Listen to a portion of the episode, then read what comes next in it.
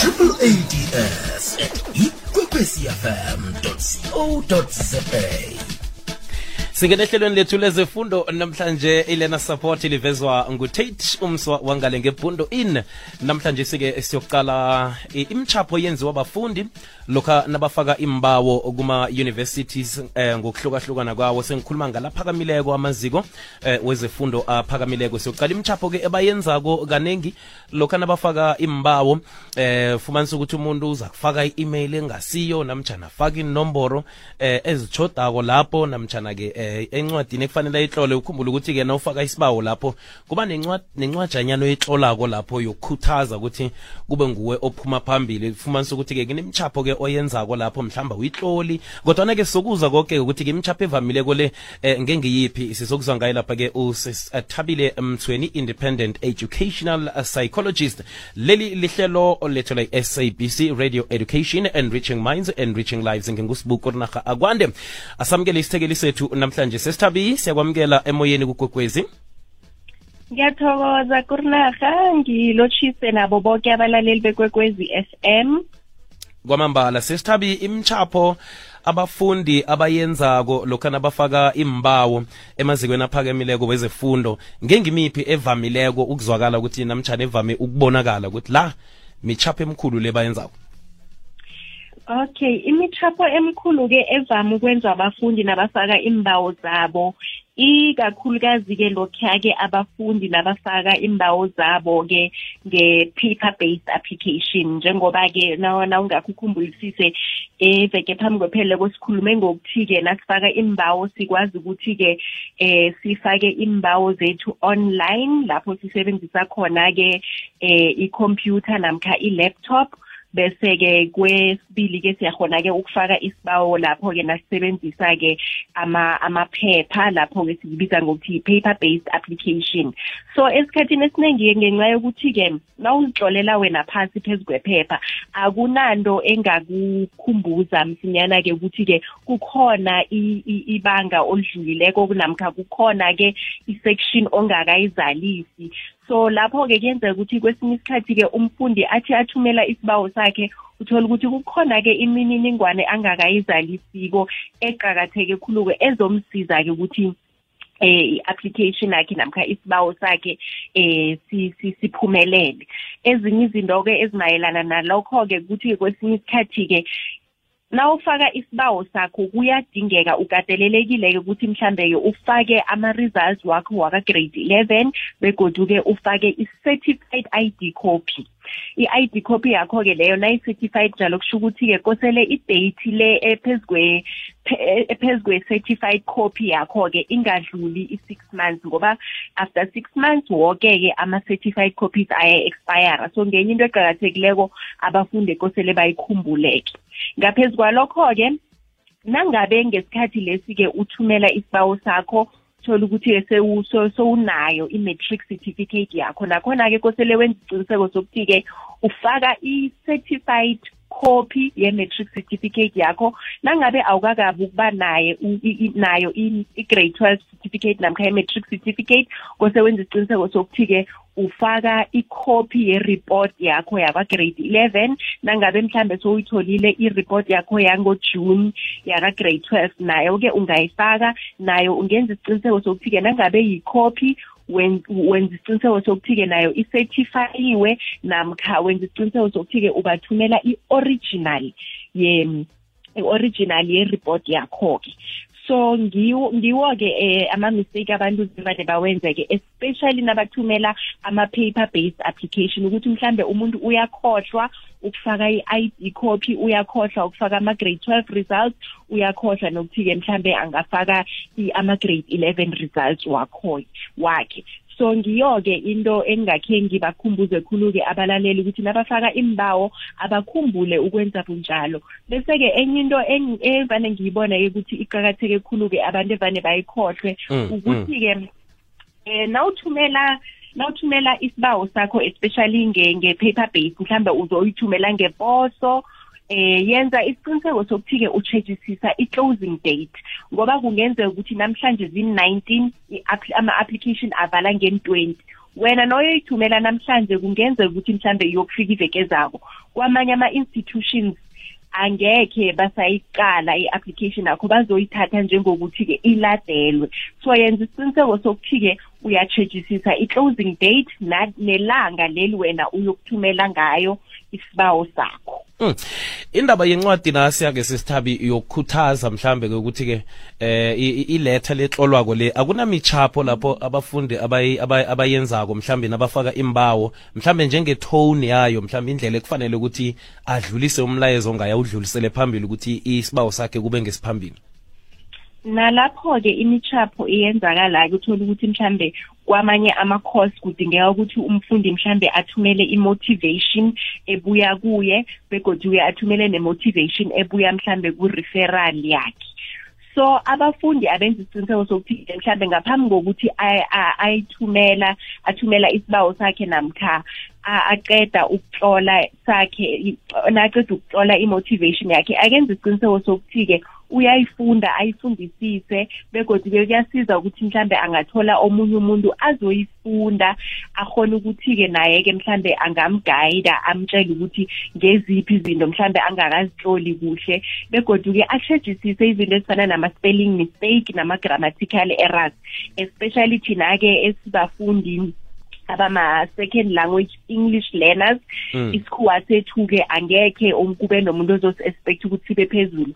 But nawuthumela i-motivation kosele sifundeke isikhuwa ositlolileko sizwisiseke ngenxa yokuthi-ke yi-motivation yinto ezokusiza egqugquzelako ukuthi-ke mambala ngimi uyi-candidate e-right ngikhethani. So kosele uzithathele um uthatha amagadango nawe as umuntu lo ozokutlola i-motivation ukuthi uthola isizo uthola umuntu ozokhona ukuyifunda ayiqale ngelihlo lesithathu ukuzokusiza ukuthi-ke i-motivation yakho leyo kube kuthi-ke yihle khulu begoduke iyakuphumelelisa kusibawo leso zabe usifaka ngaleso ngaleso sikhathi. Hmm. sesithabi kuqakatheke kangangani ekutheni umfundi lokhu nakafake abantu mhlambe njengama-references wakhe abazise ekutheni-ke ngithumele imbawo phela lapha nginifake njengama-reference. Nakhona i-reference le itshejwe kangangani eh, eh kuma-universities la. Kuyahlukahlukana ngama-course begoduke nangama-faculty lapho-ke umfundi azobe afaka khona isibawo. Kakhulukazi-ke bayawatshejisisa ama-reference wakho begodu-ke bayawafonela kwesinye isikhathi bayawa-email abafune mhlambe eminye-ke imininingwane mhlambe wona ozabe ungakayifaki kibo. So kuyaqakatheka qakatheke khulu-ke ukuthi umuntu nakakhetha i-reference kube muntu amthembileko ukuthi-ke uzakhona kumrepresenta begodwa uzakhona ukukhuluma kuhle ngaye ukuze kuze kwenza isiqiniseko sokuthi-ke isibawo sakhe lesi siyaphumelela. Mhm.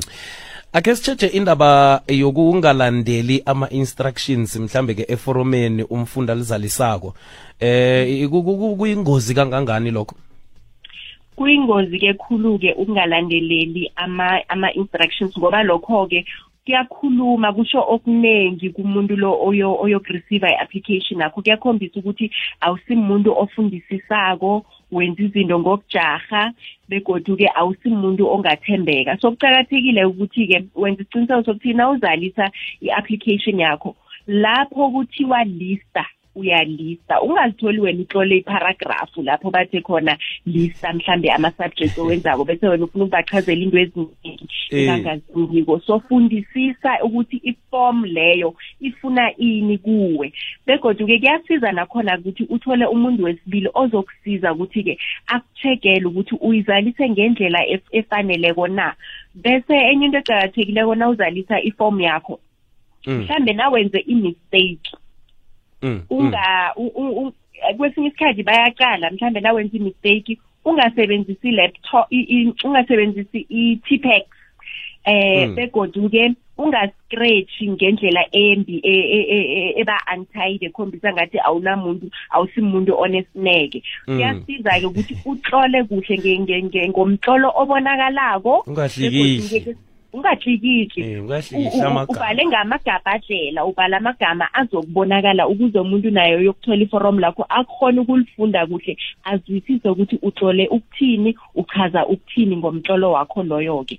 Bese enye into eqakathekileyo ukuthi-ke mhlambe nangabe uyabona ukuthi awukakatloli kuhle kungcono khulu-ke begodi kuyasiza ukuthi mhlambe ungathola enye iforomu uthomisele phasi utlole kabusha. Namkhana ukhonako ungathoma uzalise ngepensela bese naso ubona ukuthi utlole kuhle ipensela uyakhona ukuyiraba kuhle utlole kuhle ngeball pen kukhombisa ukuthi-ke uzimisele begodwa iforomu lakho leyo ufuna ukulithumela lilihle liqale liqale kakuhle. So abafundi abenza isiqiniseko sokuthi-ke nabagcwalisa ama-forms wabo batlole kuhle kuze bazokhona ukufunda ukuze iforum labo lizokhona ukufundeka kuhle. Mhm kuze ngilikhambise kuhleke mhlambe ke ngitlole kuhle iforum elo ke sisithabi akukho la umfundi mhlambe angakhona ukuthi angene khona acale mhlambe ukuthi ke le le university engi-aplayelako mhlambe ke ngikhamba nasindlela ngi-aplya ngalindlela nanasindlela. Akunala mhlambe ke bangathola khona ilwazi mhlambe ke liseduze eh ukuthi umuntu nakatlola akakwazi ukurefera abalekele indaba zokuthi enze imphoso. Amanye ama-institutions akho kukhona-ke isizo elikhona kuma eh, pages wabo kuma-website wabo. Umfundi angahona-ke ukungena khona a-check-e ukuthi-ke eh a-check-e lapho-ke kunama load khona ama-application forms. Mm. bese-ke especially ama-forms lawe online kwesinye isikhathi-ke kwamanye ama-institutions baye babe nama-guidelines. Ebawakhombisako kwesinye isikhathi baba ne-list ozokhona ukuyithikha ekhombisako ukuthi-ke okay nangabe iform leli linama-attachments mm. namkha linama-sections mhlambe li-from section a up until section c or section a up until section d bayakunikeza-ke ama-box lapho uzokhona ukuthikha ukuthi la sowugcwalisile na nala sowugcwalisile. So ikhamba nawe iyakugayida ukuthi-ke ifomu leli ukuze uligcwalise kuhle ngiziphi izinto kosele ngabe ezi-compulsory ezizokwenza isiqiniseko sokuthi-ke uzizalisile mambala na. Bese begoduke nama-attachments kuba ne-section lapho bakhombisa khona ukuthi i-i d uyisubmithile na namkha i-certified uh, copy of matric results certified copy of grade 11 results. So zikhona-ke indlela ezisetshenziswa ukuthi bakuguide nawe ezumfundi bakusize ukuthi uzokhona ukuzalisa iforum lakho kuhle kwamambala sesithabi-ke ngaphambi ukuthi-ke siyivale mhlambe-ke nakukhona kokhunye eh okuba ingozi mhlambe-ke singakakuveze ukuqakathekileko ungasali nawo sowukuveza bese-ke usitshiyele inomboro zakho la bangakhona ukuthi bakuthinde khona namtshana nje indlela bangakhona ukuthi bathindane nawe ngayo. Okay eh mina-ke ukuthintana nami akusahonakali-ke abafundi namkha abalaleli bangathintana ne-career development services engaphasi kwe-department of higher education and training. Kukhona-ke ama-student advisor namkha ama-career advisors angakhona ukubasiza eh enomborweni yabo yomtato. Yona-ke ithi 086 999 999 0123 0123 iye. Mina umlaleli nakafuna ukukhuluma nami njengoba ushwile nawe na ungibiza ukuthi ngi-independent educational psychologist kuzokoza ukuthi angibhadele. So i-service ekhona-ke la eSouth Africa yamahala wonke umlaleli odinga isizo angakhona ukuthola isizo kiyo ngiyo i-career development services engaphasi kwe-department of higher education and training. Yazolathela ngokufonela iveke ephelele kungakabhadelisi yazi ozestabe uthoma ivekele kanti? Ngithome ngen one vesepoto nje nje imali phambili indoda ngemva. Ya no awaseyinjani ya no nami ngizakulunga. Ukuthi ngaphambi ukuthi ngikufonele ngilunge esikhwameni. Ya ulunge esikhwameni indoda sithokoze sesitabi sithokoze khulu. Thokoze nina. Kwamambala sithokozile emlalelo kwekwezi fm sibeka la ilena support. Hlelo liveza ngutate umsa wangebhundu ini ngengusibuku rinarha lulethelwa i-sabc radio education enriching minds enriching lives. Biziwe? Kuri. Ikurinarha ungaba njamnyama umkhanyo ukhona kukhanya Bye.